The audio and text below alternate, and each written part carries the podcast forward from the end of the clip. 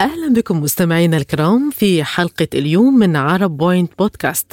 معكم خلال هذه الحلقة دعاء ثابت. تابعونا على فيسبوك ويوتيوب وبودكاست وتويتر.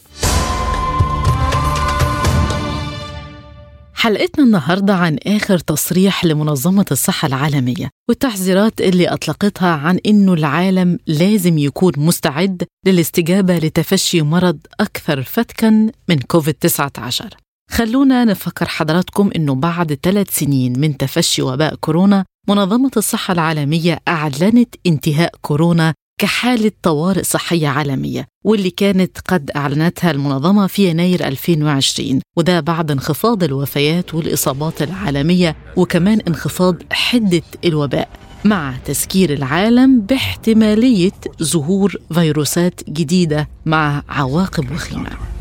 Amoff, your wife is dead. What are you talking about? What happened to her? What happened to her?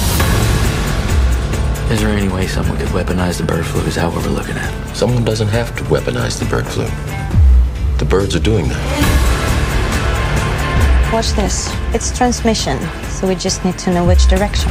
On day one, there were two people, and then four, and then 16. In three months, it's a billion. That's where we're headed.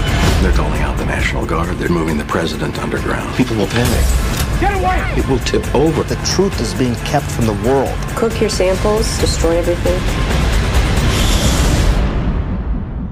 تحذيرات منظمة الصحة من ظهور وباء جديد جاء على لسان المدير العام لمنظمة الصحة العالمية تدرس أدهانوم واللي أكد أنه نهاية كوفيد-19 كحالة طوارئ صحية عالمية مش معناها أن تهديد الصحة العالمي قد انتهى وقال في اجتماع صنع القرار السنوي للدول الأعضاء في منظمة الصحة العالمية آه إنه خطر ظهور متغير آخر يتسبب في اندلاع موجات جديدة من المرض والوفاة لا يزال قائم. قال كمان إن التهديد من مرض آخر ينشأ مع إمكانية أن يكون أكثر فتكا لا يزال محتمل. كل الفيديوهات دي فيها حاجة مشتركة. أصحاب الفيديوهات دي تقريبا بيعانوا من خلل في الأعصاب وذهول وحالة عدم استيعاب للمؤثرات الخارجية.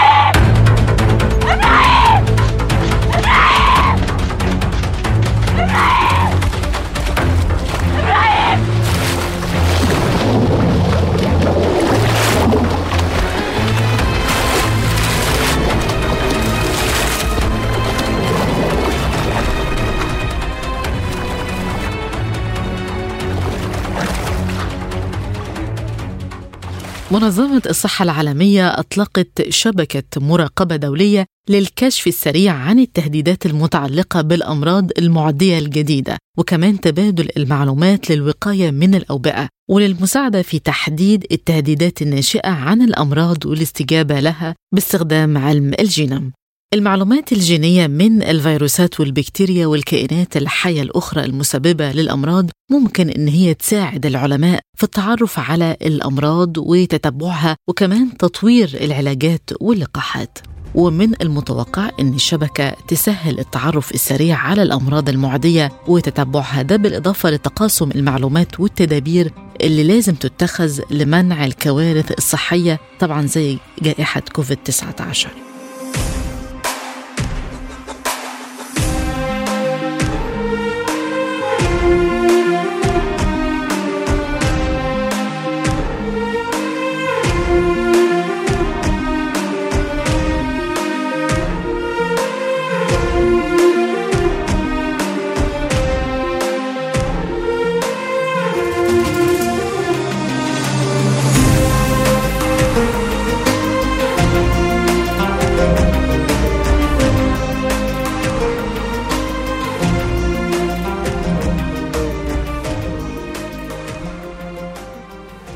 رئيس منظمة الصحة العالمية وصف التدابير الجديدة بأن هي طموحة وممكن تؤدي دور حيوي في الأمن الصحي. وقال آه كما ثبت بوضوح خلال جائحة كوفيد-19 العالم بيصبح أقوى عندما يتحد لمكافحة التهديدات الصحية المشتركة. الشبكة دي من المفترض إن هي تربط بين خبراء في علم الوراثة وتحليل البيانات من القطاعين العام والخاص والأكاديمي في كل أنحاء العالم. كان لينا لقاء مع دكتور محمد أحمد علي أستاذ الفيروسات بالمركز القومي للبحوث اللي قال رأيه في تصريحات منظمة الصحة العالمية والغرض من تصريحاتها ومدى الاستعداد في حالة وجود وباء جديد. آه هو عشان منظمة الصحة العالمية تقول تقرير بالشكل ده لازم تقول لنا إيه الوباء اللي جاي عشان نعرف نستعد له إزاي. إنما الكلام بالشكل ده آه كلام عايم ومش محدد. فإحنا طبعا ده زي واحد بيقول ان إن أنت هتموت. طب ما دي حقيقة. إحنا عمالين نواجه أوبئة آه من سنين طويلة. وما كانش في واحد فيهم تحذير. يعني الوباء اللي كان في متناول اليد اللي هو الاتش 1 إن 1 في 2009 منظمة الصحة العالمية ضربت لخمة فيه كبيرة وأعلنت حالة الطوارئ والخطوره للدرجة السادسة وكانت واقف العالم كله كان صد انه يقف خالص. ولازم يبقى عنده حيثيات وعنده حاجات توضيحيه الغرض منه إن أنا موجودة بس مش أكتر من كده. ما أنا موجودة يعني عايزة إيه؟ عايزة تبقى انفولفد في حاجات كتير وبالتالي يعني تاخد تمويل. هو بس كورونا كان فيروس جديد وسريع الانتشار. وبيسيب مباشرة بني آدم. فدي كانت خطورته هنا. لو حاجة جاية بالمعنى ده طبعا هتكون مشكلة كبيرة ومش هنقدر نلحقها بسهولة.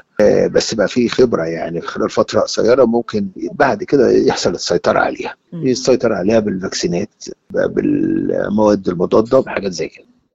آه كمان اتكلم عن أهمية إطلاق شبكة دولية لمراقبة مسببات الأمراض وكمان عن الأوبئة اللي ظهرت مؤخرا زي فيروس ماربورغ الشبكة دي معناها إن هيبقى مطلوب من دول كتيرة قوي تعمل عملية تقصي. التقصي ده عملية تمويليا مكلفة كتير فما فيش حد يقدر يمول عمليات التقصي على مستوى العالم. لو قسمنا العالم لسيكتورز أجزاء وبدأت عمليات التقصي هيحتاجوا تمويلات ضخمة عشان نقدر ندرك أي وباء أو أي فيروس جديد أو يظهر فجأة أو فيروس كان موجود ويظهر يعيد نشاطه تاني. فأعتقد ما فيش حد ما فيش دولة عندها استعداد تمول الشغل ده كله وما فيش ومش كل الدول عندها تمويل لحاجات زي كده.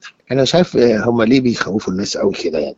ماربورج ده ظهر من فترة كبيرة وفي فيروسات كل شوية بيعاد ظهورها وده أمر طبيعي لاحظناه في فيروسات عديدة كتير منها ظهر في أفريقيا. فحكاية إني أكبر جزئية معينة بيبقى ليها أغراض تانية غير علمية. فماربورج موجود وموجود من زمان ومش هو اللي هيعمل وباء وهل للتغيرات المناخية دور في انتشار وظهور أوبئة؟ وهل كل 100 سنة بيظهر وباء جديد؟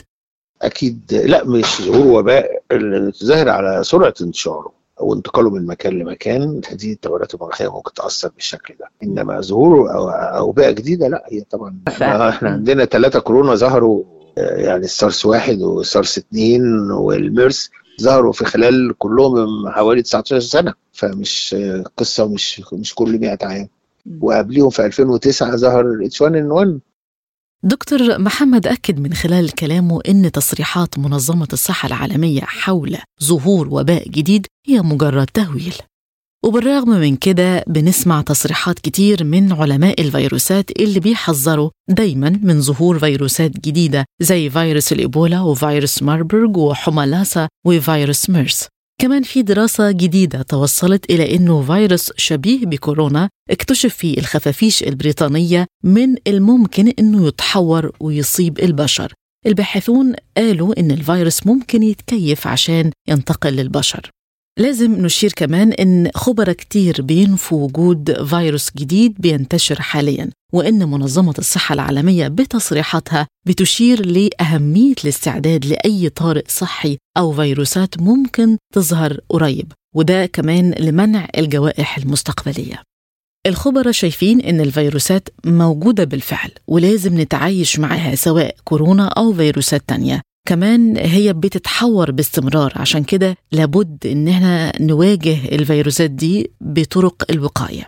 مستمعينا الكرام مش معنى إن فيروس كورونا انتهى إننا نلغي الإجراءات الاحترازية. لازم ناكل طعام صحي نقلل من السكر والملح نمنع الزيوت المهدرجة نمارس النشاط البدني والحركة كمان الاستمتاع بالهواء الطلق مع ضرورة الامتناع عن التدخين نهائيا.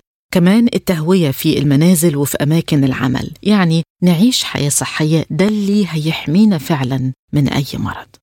في النهاية بتمنى للجميع السلامة وبشكر ضيفي لحلقة اليوم دكتور محمد أحمد علي أستاذ الفيروسات بالمركز القومي للبحوث. بشكركم مستمعينا الكرام كنت معاكم خلال الحلقة أنا دعاء ثابت. تابعونا على بودكاست وتويتر وفيسبوك ويوتيوب.